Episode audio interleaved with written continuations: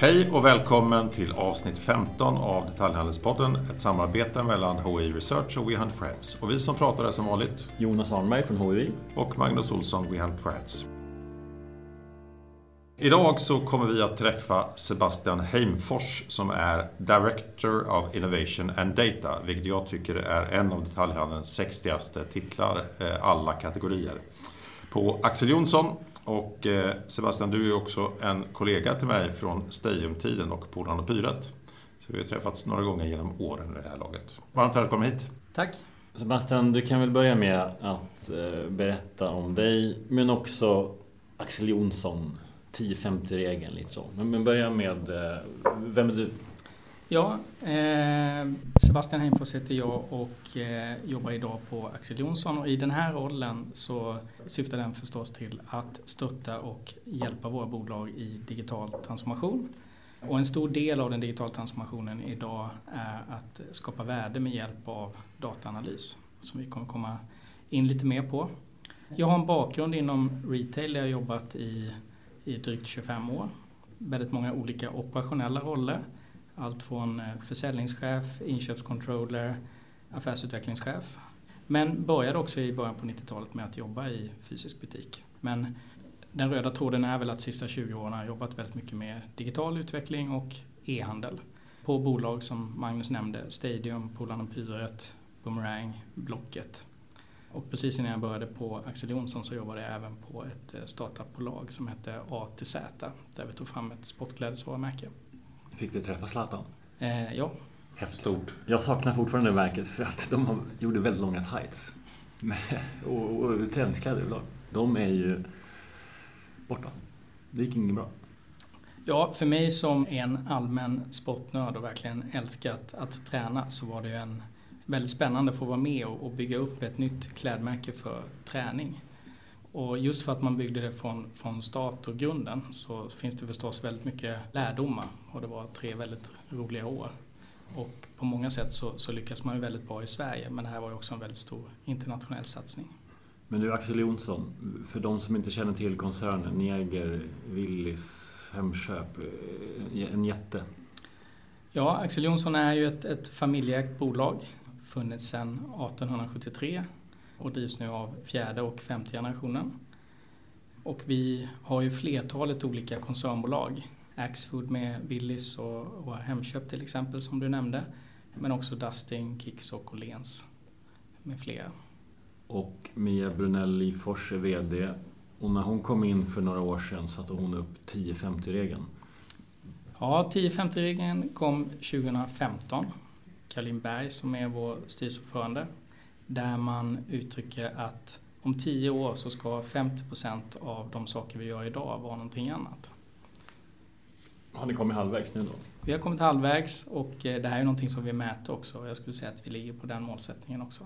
Vad är, vad är någonting annat då? Kan det vara vad, vad som helst? Ja, det kan vara nya erbjudanden, det kan vara nya marknader och det kan framförallt handla mycket om den transformation och omställning som, som krävs av alla våra bolag.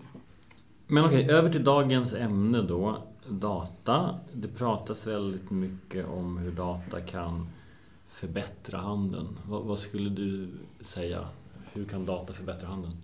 Ja, på, på lite olika sätt. Jag, jag skulle börja med att det handlar om att bli mer kundinsikt och datadriven. Det handlar inte bara egentligen primärt om, om data, men erfarenheten av, av de initiativ som, som vi har drivit här på Axel Jonsson är att det finns väldigt tydliga både kund och affärsvärde i princip i alla befintliga affärsprocesser. Men först och främst handlar det om om kundinsikt att faktiskt förstå en allt mer icke-linjär kundresa och, och olika situationer.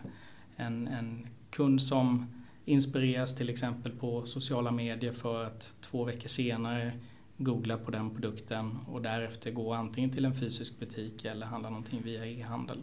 Idag är ju det en resa som bygger väldigt mycket på att, att förstå den analysen.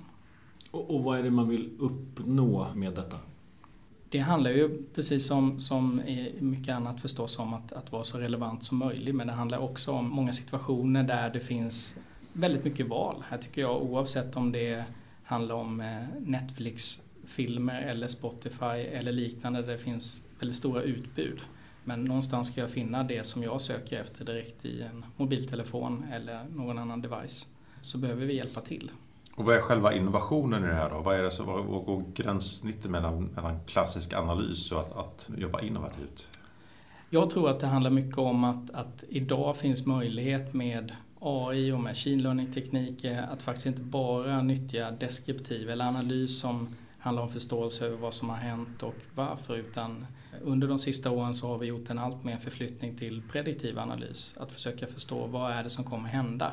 Till exempel då med hjälp av rekommendationsmotorer eller andra typer av prediktiva analyser. Och förstår man vad som kommer hända då kan vi också bygga in en, en ökad automation i det. Och, och hur mycket data behöver man? För vi behöver ändå ha någon form av backdata för att förstå vad, vad man ska göra framåt. Ja, det stämmer. Det är klart att, att volymen och mängden data blir väldigt, väldigt viktig här. Nu ska man säga att det forskas väldigt mycket i att kunna nyttja allt mindre datasätt jämfört med, med tidigare. Men jag tycker om det här citatet som kommer från McKinsey att 90% av all data som finns tillgängligt idag har producerats de sista två åren. Och det är ju inte minst lika sant idag som det faktiskt var för ett par år sedan när det här faktiskt uttrycktes. Och det är väl tre saker. Dels är det tillgängligheten på data men även tillgängligheten på algoritmer egentligen. Som också har någonstans exploderat de, de sista åren. Mm. Och vad är det för data man för, använder? Förlåt, alltså, ja, förlåt. Den, den tredje delen är väl också någonstans när vi pratar cloudlösningar, molntjänster som någonstans tillgängliggör eh, computational power eller, eller processorkraft. Mm. Vilket också krävs för att hantera stora mängder data. Men det här data, det, vad, alltså, vad, är, vad är det för data? Ja, eh, här brukar man dela in det i, i strukturerad data och ostrukturerad data. Strukturerad data, vilket kanske då till viss del skiljer sig från medieindustrin också där man kanske söker efter buying intent, så har ju vi transaktionell data. Och, och det är klart att vi utgår ganska mycket från transaktionell data men och det är rent eh, alltså kvitto? Det är kvittot, ja. exakt. Det är kvittona. Eh, men i tillägg till det så kan det förstås vara webbeteendedata som ofta brukar beräknas som mer ostrukturerad data. Men beroende på valet av affärscase, vad du faktiskt vill lösa ut för någonting, så kan ju det här vara sensorteknik eller det, det kan vara all möjlig typ av data. Men, och jag tror att det är egentligen här man tar nästa kliv när man nu börjar kombinera flera olika datakällor. Och det kan även vara kvalitativ data också. Mm. Är det någon som gör det här väldigt bra tycker du? Jag tycker att många gör det bra och att det är inom många olika industrier. Lite som jag nämnde, jag tror att medieindustrin, det finns andra exempel, bank och finans, som har legat före i att nyttja den här typen av teknologi. Men ser vi till retail så, så idag handlar det mycket om ökad automation och ökad automatisering inom, inom lager till exempel och supply chain. Med hjälp av det här så kan man ju då bygga allt mer sofistikerade och avancerade rekommendationsmotorer för att göra smartare marknadsföring, till exempel e-mailkommunikation. Kan man dela upp det på några olika områden? Har ni, har ni några olika liksom, huvudområden ni tittar på?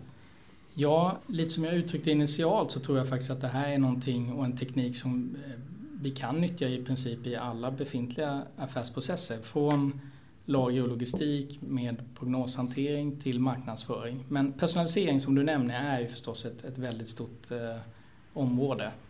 Det kan handla om allt från mailkommunikation men också i realtid egentligen en mer personaliserad upplevelse på till exempel en e-handelssajt.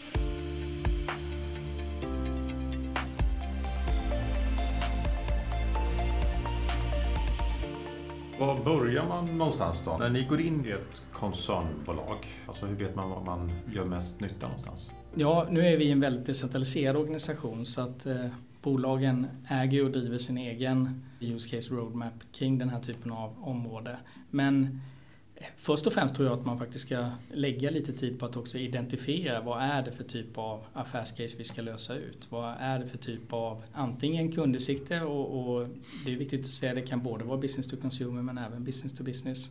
Och så får vi titta egentligen på vilken typ av data finns tillgängligt. Mm. Och sen börjar man med en ganska omfattande kundinsiktsinsamling egentligen. Mm. Men alla företag har ju kvitton och man har minst Google-data. Absolut. Ja.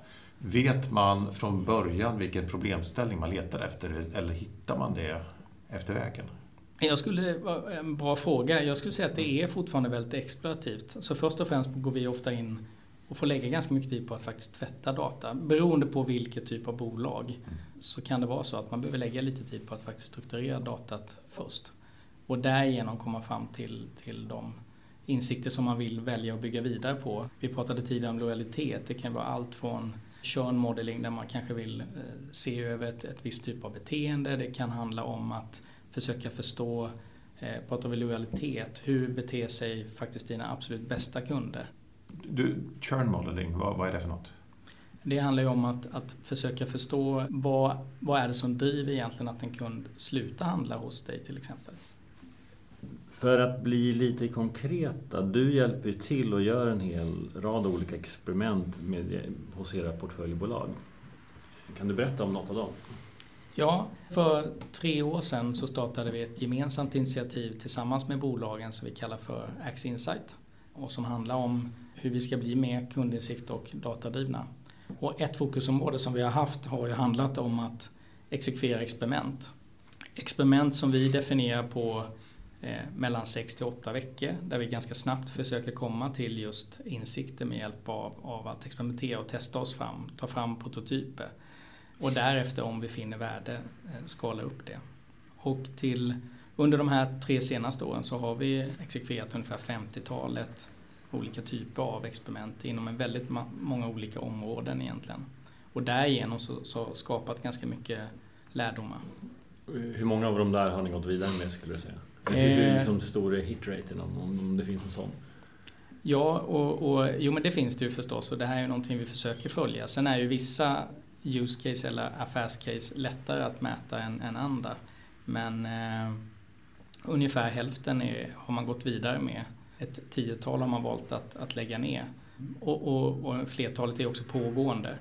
Men, men det är väl viktigt också att säga att det är motsatsen till experiment är ju att jobba med traditionella projekt i två till tre år. Och därefter kanske upptäcka att det är något som inte skapar det värdet som man hade velat uppnå. Och det är väl just det som man faktiskt söker efter i experimentet. Att söka efter lärdomar där man snabbt kan säga efter sex veckor att nej men här fann vi faktiskt inget ordentligt värde. Och lite som vi kom tillbaka till, i, när det gäller den här typen av teknik så är det fortfarande ganska explorativt också. Sker de i, i butiksmiljö eller är det bara i datasättet eller är det e-handelsrelaterat eller är det några särskilda områden som Ja, just det här området har, som Axe Insight har ju valt att fokusera just på det som kallas för Advanced Data Analytics eller den här prediktiva delen av analysen. Men jag, jag, jag vill ju påstå att, att, liksom, att ha en experiment, ett experimentellt förhållningssätt det kan vi faktiskt ha i de flesta frågor. Här skiljer man ju lite kanske på en, någon som är vi pratade tidigare om en, en, digital pure player. Ja, men då kan man göra det mesta väldigt experimentellt. I, i, I vårt fall så tror jag att ja, det finns fortfarande delar vi behöver i någon form av operation excellence göra precis som tidigare i två till tre års projekt. Men det finns betydligt fler delar idag som vi kan göra betydligt mer experimentellt än tidigare. Och då kommer ni bli mycket mer snabbfotad. alltså istället för att ha ett treårigt projekt så kan ni utvärdera det mycket snabbare. Ja, och jag tror att vi, vi behöver förhålla oss till nya konsumentbeteende kontinuerligt. Vi behöver förhålla oss till andra osäkerhetsfaktorer som vi förstås upplever just nu också. Och då tror jag att, att få snabba insikter och, och snabba svar eh, underlättar. Det här sättet att jobba, vad skapar det? De insikter och lärdomar som finns så, så här långt är ju att det, det, skapar ju först och främst ett väldigt engagemang. Ofta är man ju i behov av att, att jobba väldigt tvärfunktionellt. Man samlas kring en gemensam målsättning som ska uppnås på ganska kort tid under 68 veckor. Vi kommer kanske tillbaka till det lite men här krävs det också lite andra kompetenser i form av så kallade data scientists, data engineers. Eh, samtidigt så måste ju det här också kombineras med, med affärskompetens och, och, erfarenhet just i det området beroende på vad det nu är man vill lösa ut. Du har också sagt att när ni, om man börjar göra ett experiment så leder det ofta till flera. Ja, det är ju en väldigt iterativ, eller eh, nu pratar man mycket om agilitet eller att vara agil, men ofta är det så, även om man har en väldigt tydlig övergripande målsättning och vilken riktning man faktiskt vill ta sig, så, så löpande och varje dag, här jobbar man ju med lite andra arbetssätt där man har daily stand-ups och, och, weekly demo. Men, men den typen av arbetssätt gör ju att man också tvingas fatta nya kontinuerliga beslut på de insikter som man löpande, löpande får. Och det leder ofta till nya typer av experiment.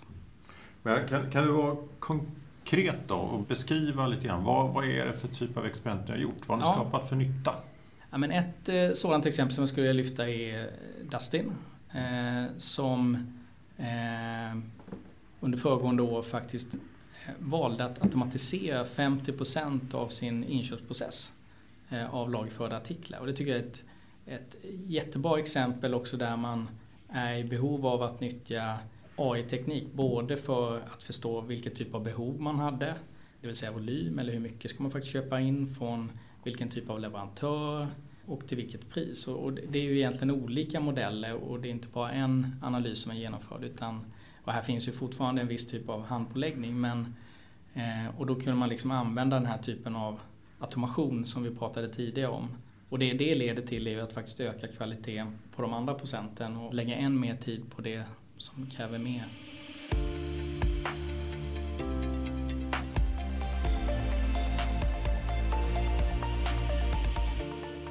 Men konkret, vad ledde Dustin-caset till skulle du säga? Ja, men dels ledde det ju till en ökad automation i hela flödet. Men när man också automatiserar vissa delar av flödet så tycker jag det är också värt att, att lyfta upp att då behöver man ju faktiskt bygga om en del av, av processen i sig och i helhetsflödet. Och i, i det här fallet har ju det lett till att man också kan fokusera än mer och mer kvalitativt på, på andra saker. Och, och Dustin som också rör sig mot att eh, både sälja produkter men även sälja tjänster så var ju det en, en möjlighet för det. Liksom. Tycker jag också att, eh, för att nämna fler exempel, vi har också har bolagen faktiskt fokuserat än mer på rekommendationsmotorer. Och det är ju ett exempel, vi kan ta mailkommunikation. Och Åhléns som var ett av de första experimenten som genomfördes. Som ungefär skickar 100 miljoner mail varje år. Och från en enklare form av, av segmentering om man har handlat beauty, mode eller hem. Så eh, tar man helt enkelt alla, alla kunder, de har ju en väldigt stor, eh, medlem, ett stort medlemsprogram. Och man tittar på produkter och här kan man då med hjälp av olika typer av eh, machine learning-tekniker vad, vilka produkter är det som just du är intresserad av? Och därmed göra en ökad relevans i de mejlen. Och det är ju det man kallar för en ökad personalisering. Och man tittar ju inte bara på vad kunder faktiskt har historiskt handlat, för det är ofta det man får som en invändning ibland. Utan med hjälp av den här tekniken kan man ju också titta på andra kunder som har ett, ett likartat beteende. Vad är de intresserade av? När vi gjorde de här experimenten, om man ska vara väldigt konkret och väldigt handgripligen, så gör man ju så för att testa och mäta, för det är ju det det handlar om egentligen, testa och mäta. Så satte vi upp under de här sex veckorna tre olika kampanjer där man både ha en, en kontrollgrupp som får det mejlet som faktiskt var tanken att de skulle få initialt. Ett som innehåller de här personaliserade produkturvalen. Och så har vi en tredje kontrollgrupp som faktiskt inte får någonting alls. Och i, i det här fallet så nyttjade vi 30 000 kunder vilket ändå är en, en väldigt begränsad del av den totala medlemsbasen.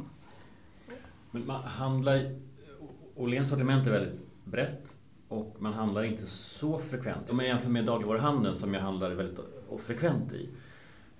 Är det inte en utmaning att göra analysen på att ena gången kanske jag gick in på Åhléns City i Stockholm och köpte en kavaj och andra gången gick jag in på Åhléns i Skanstull och köpte eh, som eh, en hudkräm. Ja, nej men så, så, är det ju absolut. Att det är ju lättare att göra vissa typer av analyser med eh, varor som har en väldigt hög frekvens. Men, men det är fullt möjligt att göra det även inom, inom sällanköpshandel. Men om jag hade köpt en kavaj och hudkräm, är det, kommer mejlutskicket sen då pusha de grejerna? Eller hur funkar det? Men vi kan ta ett annat exempel. Eh, det finns ju eh, Tar vi skönhet till exempel så är det ju fler, flera produkter inom skönhet som också är så kallade replenishment-produkter eller produkter som man generellt sett fyller på var 80 dag till exempel. Där kan man ju då diskutera, om man då har den kundinsikten, på vilket sätt ska man ta hänsyn till det? Ska man skicka eh, ett mejlutskick tio dagar innan eller fem dagar innan eller när det är aktuellt. Men det är den typ av, av insikter man kan då se med den här typen av, av eh, analyser. Men finns det några som är duktiga på det här? Eh, för att jag kan bli lite, lite irriterad på några aktörer som ICA till exempel. När jag får mina, mina månadserbjudanden så är det liksom månadens depp för då inser jag hur dålig mathållning jag har. Då får jag min coronameny som består av Häagen-Dazs, det är god färdigrätter och det är gott blandat extra liksom, supersalt. Eh, så de, de levererar egentligen bara förslag på att jag ska fortsätta äta som jag gjort innan. Ett annat exempel, eh, månaden jag fyllde 50 så fick jag från ett nätapotek plötsligt eh, reklam för inkontinensskydd. Eh, det, det, är liksom, ja men det är inte peppande. Hur, hur, hur, gör man? Finns det några som är duktiga på att hantera det här på, på, på rätt sätt? Förutom såklart de bolagen du jobbar med. Nej men jag skulle säga att vi är fortfarande... Vi, vi, vi lär oss ju kontinuerligt hela tiden. Och, och jag vill inte uttrycka att vi har, liksom, är jätteduktiga men vi Eh, jag tror just att personalisering är ett område där vi, och det finns ju mycket standardprodukter här är viktigt att säga också som är väldigt duktiga. Men många gånger är den typen av lösningar så kallade blackbox. Man, man kasta in datat och så vet man inte exakt vad man får ut eller vilka, vilka svar som finns eller vad, som, vad det är som beror eh, i de produkturvalen. Och när vi då har valt att bygga en del rekommendationsmotorer själva så är den stora fördelen att vi vet vilka parametrar och vad är det vi tar eh, hänsyn till. Så det, det, jag skulle säga att det är ett kontinuerligt lärande i, och mycket av det du hänvisar till, det kontinuerligt blir det bättre och bättre. Handlar det mer om att förstå när Magnus behöver fylla på sin Gott och blandat eh, snarare än att rekommendera att nu är det dags att köpa Dumlekoler? Det är en kombination faktiskt. Man behöver veta flera delar där. Men det är också intressant att förstå andra i Andra som har ett likartat beteende. Man, man pratar ju om eh, både så kallade association rules såväl som collaborative filtering. Och det är olika typer av, och i vissa fall så har det en större utgångspunkt i vad just du faktiskt har handlat eller konsumerat. Och i, i nästa situation så handlar det mer om vad har andra som har agerat på vissa typer av delar. Så att man också kan få med den här inspirativa delen, vilket är en väldigt, väldigt viktig del förstås. Och, och men skulle du säga att har GDPR och frågan om integritet, bromsar det det här? Alltså jag förstår att vi inte, såklart vill ingen stöta sig med integriteten men, men är, innebär det också en broms? Ja, men bra fråga. Jag, jag tycker faktiskt att det är på många sätt ändå accelererar faktiskt behovet av att den kommunikation man gör eller det som är personaliserat måste vara relevant. Och, och jag tror att som en retailaktör så har vi behov av att liksom förtjäna att ha kundens data, eller hur man ska uttrycka det. Alltså integritet, det kommer bara bli än viktigare. Jag tror att vi som konsumenter också kommer bli mer noggranna i vem är det som jag faktiskt ger den här datan till. Och får jag någonting tillbaka eller jag får en, en relevant upplevelse eller en, något som påverkar min kundupplevelse positivt, då kommer jag tycka att det är okej. Okay. Men som Magnus beskrev, om man får en sämre upplevelse, ja, men då kanske inte det är någon som jag kommer vilja dela min data till. Ja, i mig personligen, jag skulle gå så långt att säga att jag kränk mig hur mycket ni orkar om jag får ett bättre erbjudande och lever längre. Och givetvis att du inte ger mina Willys preferenser till försäkringsbolaget eller vad det nu är. Men att, eh, här, och i det inbillar jag mig att det finns pengar också. Hej Jonas, nu har du kommit in på Willys och eh, du, du sover lite för lite och väger lite för mycket och så här. Du borde välja de här varorna. Det skulle jag älska och vara beredd att betala för. Mm. Men hur ser du på det beteendet versus att eh, liksom, storebror ser dig? Jag, jag, jag, det här är svåra frågor. Jag, jag tror att GDPR kommer att utvecklas ytterligare. Det skapas ju också hela tiden nya typer av datakällor, ny typ av datainsamling kontinuerligt. Eh, jag kan nämna ett annat spännande experiment som vi har gjort som eh, Mat.se tillsammans med Google nu har, har, precis lanserat bara för någon månad sedan här. Där man kan göra en inköpslista med hjälp av en Google Nest Hub. Där man då nyttjar den här voice-tekniken som om vi pratar å ena sidan att, att AI och machine learning-tekniker och avancerad dataanalys kan nyttjas väldigt mycket för att optimera och effektivisera befintliga affärsprocesser så är det här ett exempel som kanske mer lutar mot nya konsumentbeteenden. Och här har man då en, en första prototyp liksom för eh, hur man kan kombinera voice och bild eftersom man visuellt på den här paddan även kan se vad har jag lagt i min varukorg. Och då är det alltså AI-teknik som översätter min röst till text och till... Men där kommer också rekommendationsmotorer faktiskt in. För att om jag säger jag vill fylla på min inköpslista med tomater. Okej, okay, vad är det för tomater jag brukar handla? Vad är det för tomater som historiskt jag väljer? Eller vilken typ av mjölk? Om jag bara säger mjölk till exempel. Så vi gör ju en del experiment som också är mer explorativa än andra.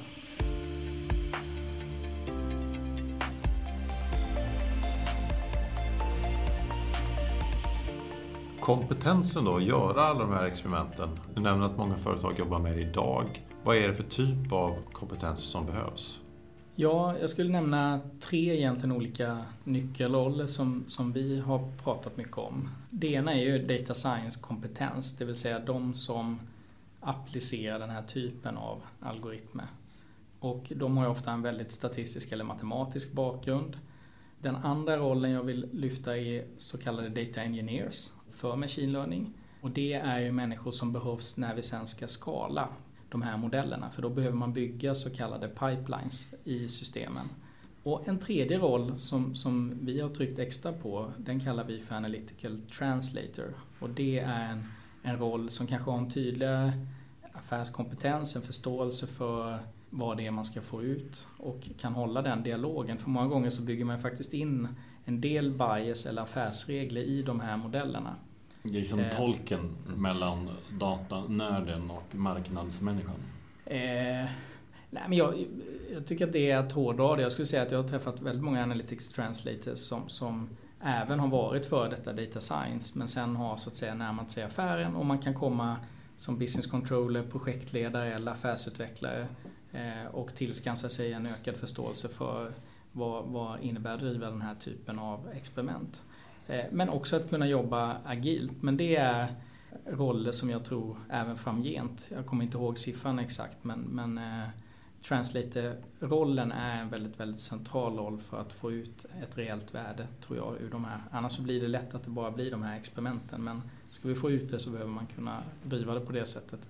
Och vi har ju också satsat, och, och det är är ju någonting som har varit eh, någonting som vi har tyckt varit viktigt under de här tre åren. Så vi har också startat en Analytics Academy med fem olika typer av utbildningar eh, med fokus just på reskill och upskill och skapa en ökad medvetenhet. För det här är ju en, en stor del av, av den digitala transformationen som vi nämnde tidigare. Och, För att försörja eh, portföljbolagen?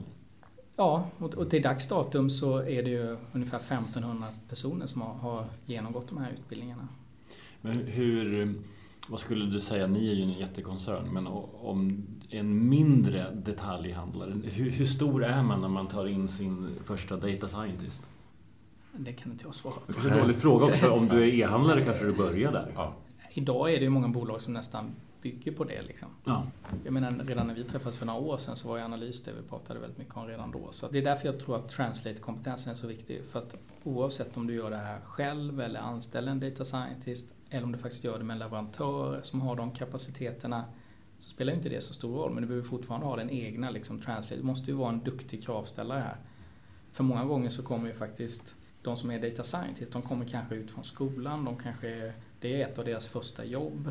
Ska man vara hårdragande så tror jag då blir liksom den här translate-kompetensen eller den typen av skillset, den blir extremt viktig. Men framför allt är väl det här ett område som verkligen driver att jobba tvärfunktionellt. Mm. Och att eh, slå hål på silos. Liksom. Vad tror du, eller vad, vad ser du? Har ni sett någon förändring av beteende eller när det gäller kundresan nu under det här året som har bestått av pandemi och jämmer och elände. Finns det några slutsatser i största allmänhet som man kan dra av det här året? Jag som har haft möjlighet i min roll att, att, att följa mycket digitala trender och har eh, följt det under flera år skulle ändå säga att kanske inte nödvändigtvis helt nya beteendeförändringar i, i de trenderna. Personalisering har varit stort under väldigt lång tid. Det är väl snarare accelerationen av att, att nu har man gjort en, en stor förflyttning på endast ett par månader. Mm. Tack Sebastian för att du ville vara med oss i podden. Tack. Stort tack och vi kommer tillbaks snart med ett nytt avsnitt. Tack för idag. Tack, tack.